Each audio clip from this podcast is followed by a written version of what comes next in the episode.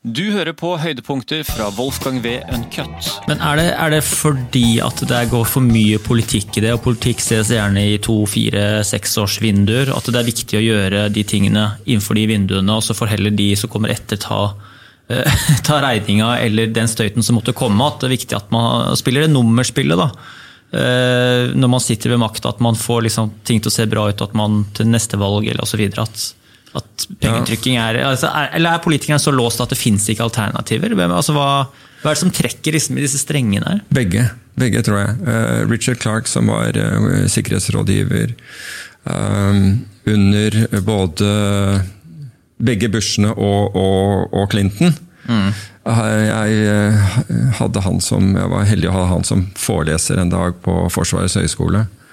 Og han fortalte jo om uh, hvordan altså Han sa i USA så har, så har vi stort sett altså to års øh, to års utsikt, fordi det er halvparten av en presidentperiode. Så i gjennomsnitt så vil det være to år.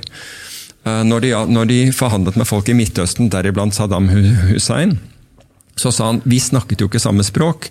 For når han snakket om sine vyer, så var det 100 år frem i tid det de snakket om. Han sa det samme kineserne. De snakker jo om 100 år frem i tid, kanskje 200 år frem i tid.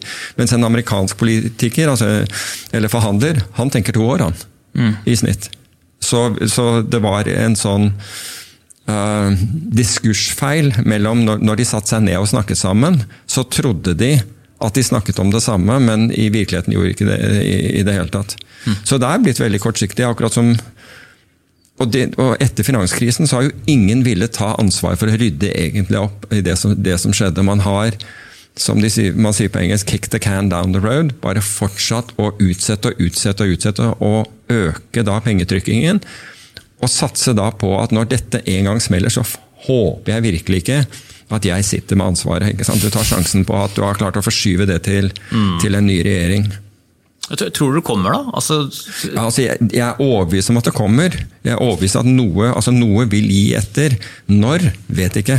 Altså hvis, jeg, hvis jeg hadde vært i 2008, så hadde jeg ikke på noen måte kunne se for meg at vi skulle sitte i 2020, eller på slutten av 2020, og fortsatt drive med det. Det ville være helt altså ingen, Jeg, jeg vet ikke om noen i finans mm. som ville ha sagt at ja, det, det der kommer vi til å holde på med i godt over ti år. Men det der med at, at skattebetalerne bailer ut de store institusjonene, er, er, liksom, er det også sånn et, er, er, det et spill som er låst i seg selv, det her? At det liksom er det For, for det, det, skjer fortsatt? Det skjer fortsatt. og Jeg har jo snakket med, med, med, med folk som er veldig politisk engasjerte og, og politisk oppegående om det. Og jeg sa hva kommer da at opposisjoner ikke tar tak i dette her? Og, og, og det svaret jeg nesten alltid får, er at de skjønner ikke.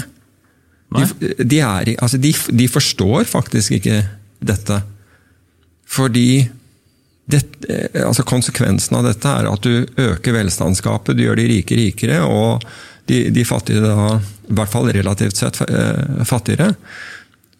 Og at, man, at ikke det alene provoserer, hvor man sier at her må vi omfordele på en eller annen måte, det, det er for meg eh, et, et kjempespørsmål. Er det mye skjevfordelinger i, i covid-19-pakker og sånt på at alt det vi ser nå av eh, statlige skal vi si, eh, ja, utbetalinger til, til store og små? Da? Er, det no, altså, er det samme dynamikken der? Si? Altså, jeg, jeg, er ikke noen ekspert på det, men, jeg, men min opplevelse for å ta det på den måten, er jo at det er det. Og Jeg har jo, jeg har jo snakket om, om, om dette ved, ved, et par anledninger. altså når bare, altså At visse næringer blir rammet hardere enn andre, det er helt opplagt. Og at man trår til for å, for, for å hjelpe, er bra, og man var veldig rask på banen til å begynne med. Men så, så hører du om da folk oppe i Svalbard som da har snøscooterutleie eller driver en eller annen form for turist, hvor det er relativt sett små summer, mm. har ikke sett en krone. Og da har næringsminister fløyet opp og kunne ikke love noe, og fortsatt Og her er det jo snakk om bedrifter som går over ende. Mm. Altså Her er det ikke sånn at du kan bare vente det ut. Altså, ja, Du kan kanskje få i 2021, og nå var det restaurantnæring. Noen har jo fått, fikk jo utbetalt summer umiddelbart, noen over 100 millioner. Mm.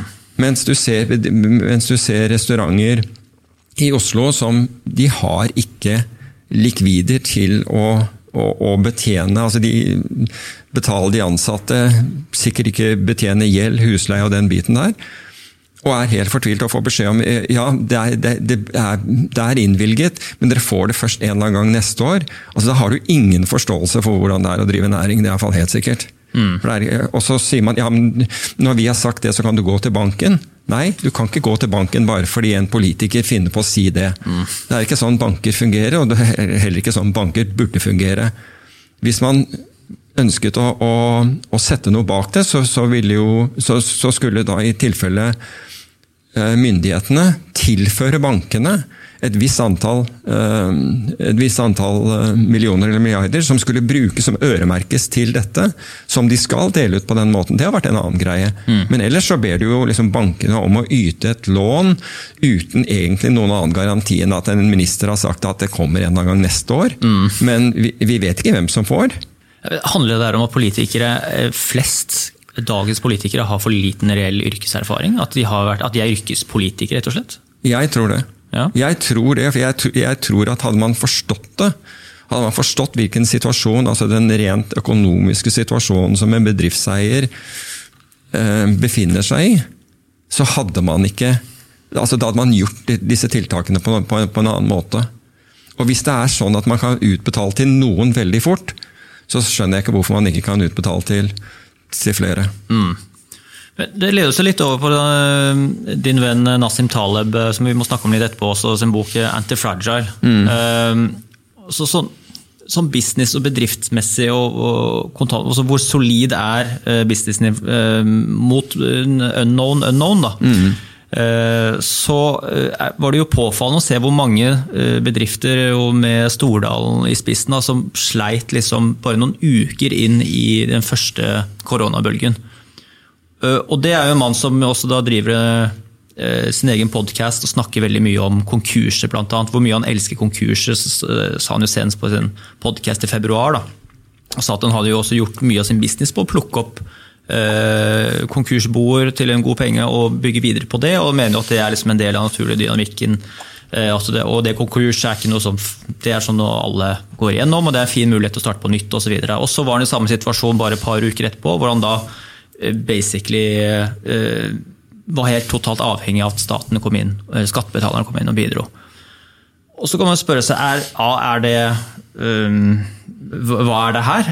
og er altså det han driver med så ekstremt viktig i forhold til andre ting? For eksempel, altså er det viktig at hoteller går rundt? Altså At det overlever, at det er arbeidsplasser selvfølgelig, og sånne ting, men er det liksom en prekær samfunnsfunksjon som trenger liksom skattebetalerens backing? Er det noen som burde burde Olav Thon fått muligheten til å kjøpe opp hotellene til Stordalen som resultat av det her. For at han, mer, han, han, har, han, har, gjort seg robust for det her og trenger ikke skattebetalernes støtte, mens han andre ikke har det.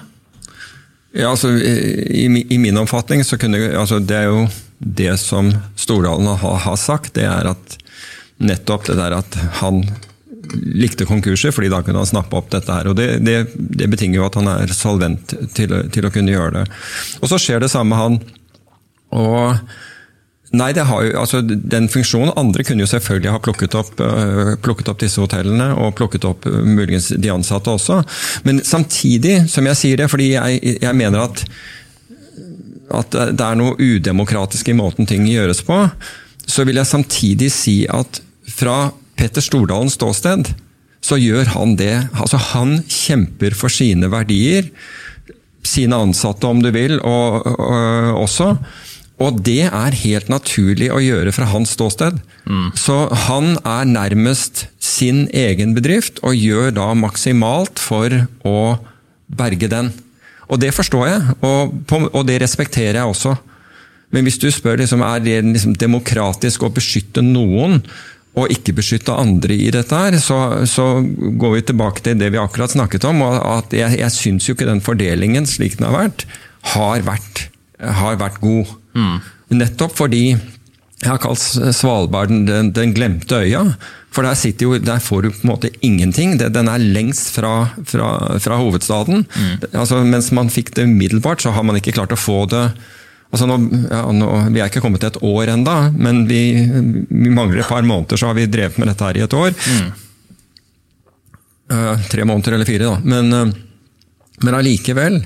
Det er noe udemokratisk, føler jeg, med, med, med fordelingen her. Uh, det, det, det, føler jeg. Men igjen, Petter Stordalen han, han kjemper for, for, for, for, seg og sine, og det er jo på en måte det han Det er hans rolle. Mm. Det er rett og slett hans rolle. Demokratiet for, for myndighetene ivareta. Ja, ikke sant. Men er det Ville du liksom likt å se at det falt flere over ende? At, liksom det var, at de robuste kunne fått sitt, sett sitt snitt til å, til å kjøpe opp f.eks. Ja, hotellene til Stordalen eller i lignende næringer? Altså i, i, prinsippet så mener jeg jo det der at hvis altså, Ta ut ifra min situasjon. Hvis jeg tar for mye risiko mm. og taper på, på det, så kommer det ingen inn og og så kan ikke jeg gå til myndighetene og si at hør her, nå har jeg tapt så mye at nå tror jeg nå går huset, hvis ikke dere kommer og, og betaler og, og, hjelper meg. Jeg kan ikke gå til skattebetalerne og gjøre det. Mm.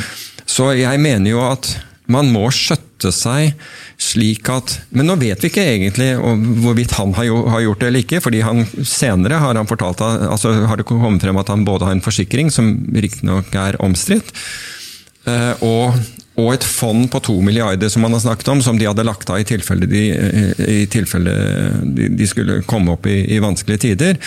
Men, men, generelt så vil jeg jo si at det, det kan ikke være samfunnets oppgave eller rolle å måtte trå til for å beskytte de som har tatt risiko over evne. Mm.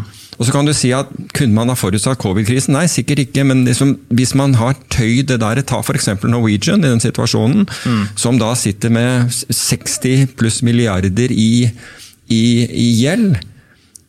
Det er ikke covid-krisen som som, som, så langt har tatt livet av Norwegian. Det har jo pågått i en lang lang tid før det. Det har vært altfor høy gjeld i forhold til egenkapital. Så kan du si at burde vi som samfunn muligens regulert det der?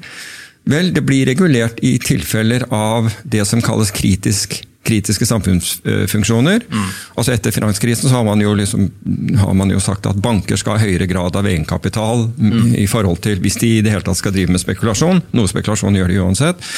Men så Dersom du ikke er kritisk, eh, en, en har en kritisk samfunnsfunksjon, så mener jeg at altså, tar du for mye risiko, ja.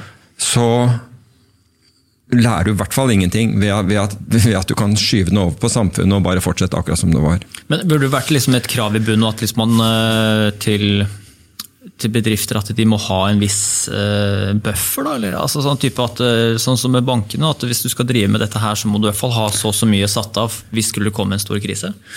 Ja, du kan si at Jeg vet ikke om du skal regulere det på et sånt, uh, på, på et sånt detaljnivå, eller rett og slett du skal si at hvis du har tatt den der type risiko og dette går galt, så er det, altså, så er det ditt problem. Mm. Det er ikke skattebetalernes.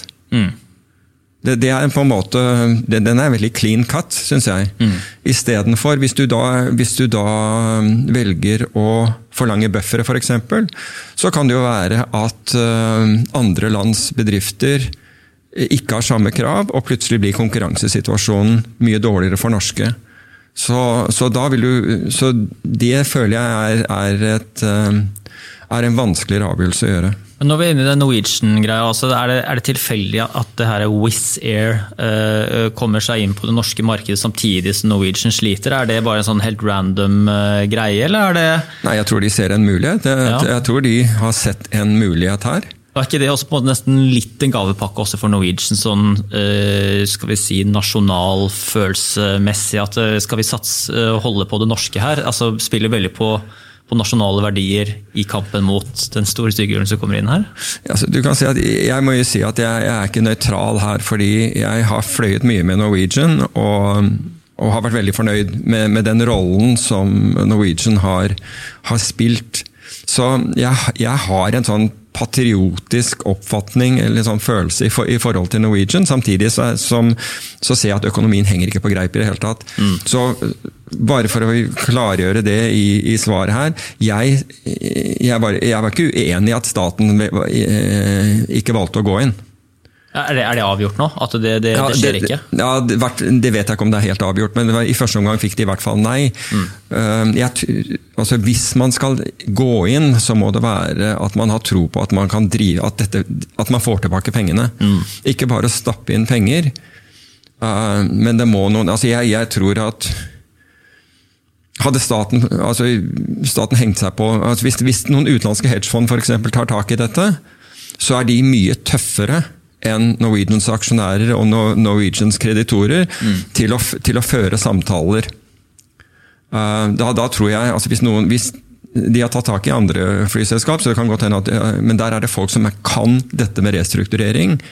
Og, og ikke lar seg kjøre over av, uh, av, investeringsbanker, banker og meglerhus som er ute etter store honorarer ved, ved å arrangere en ny emisjon. Mm. Da vil det bli en helt annen greie. Så du kan si at det er på en måte håpet her. Hvis du ikke får noen til å restrukturere dette, så, så, så snakker vi om mirakel, mm. tror jeg. Ok. Ja, for, ellers, for Hvis det skulle staten skulle blande seg i Norwegian, så ender vi ikke da opp med en ny SAS? Der, liksom? en, slags, kan det. Ja, en delt, liksom, Hva blir forskjellen? Ja, kan det. Men du kan si at jeg mener jo at hvis staten skal gå inn, så skal staten gå inn fordi staten kan tjene penger på dette. her, altså At det, er, at, at det får en avkastning på det. Ja. Ja, Som tjener folk og samfunnet? Og, og som tjener folk og samfunnet. Altså, jeg må innrømme at jeg, jeg så ganske rødt når, jeg, når, når, deler av den forrige emisjonen gikk til å betale bonuser. Da er vi tilbake igjen til hvordan det var i USA eh, rett etter finanskrisen. Ja. Wolfgang V. Ankat.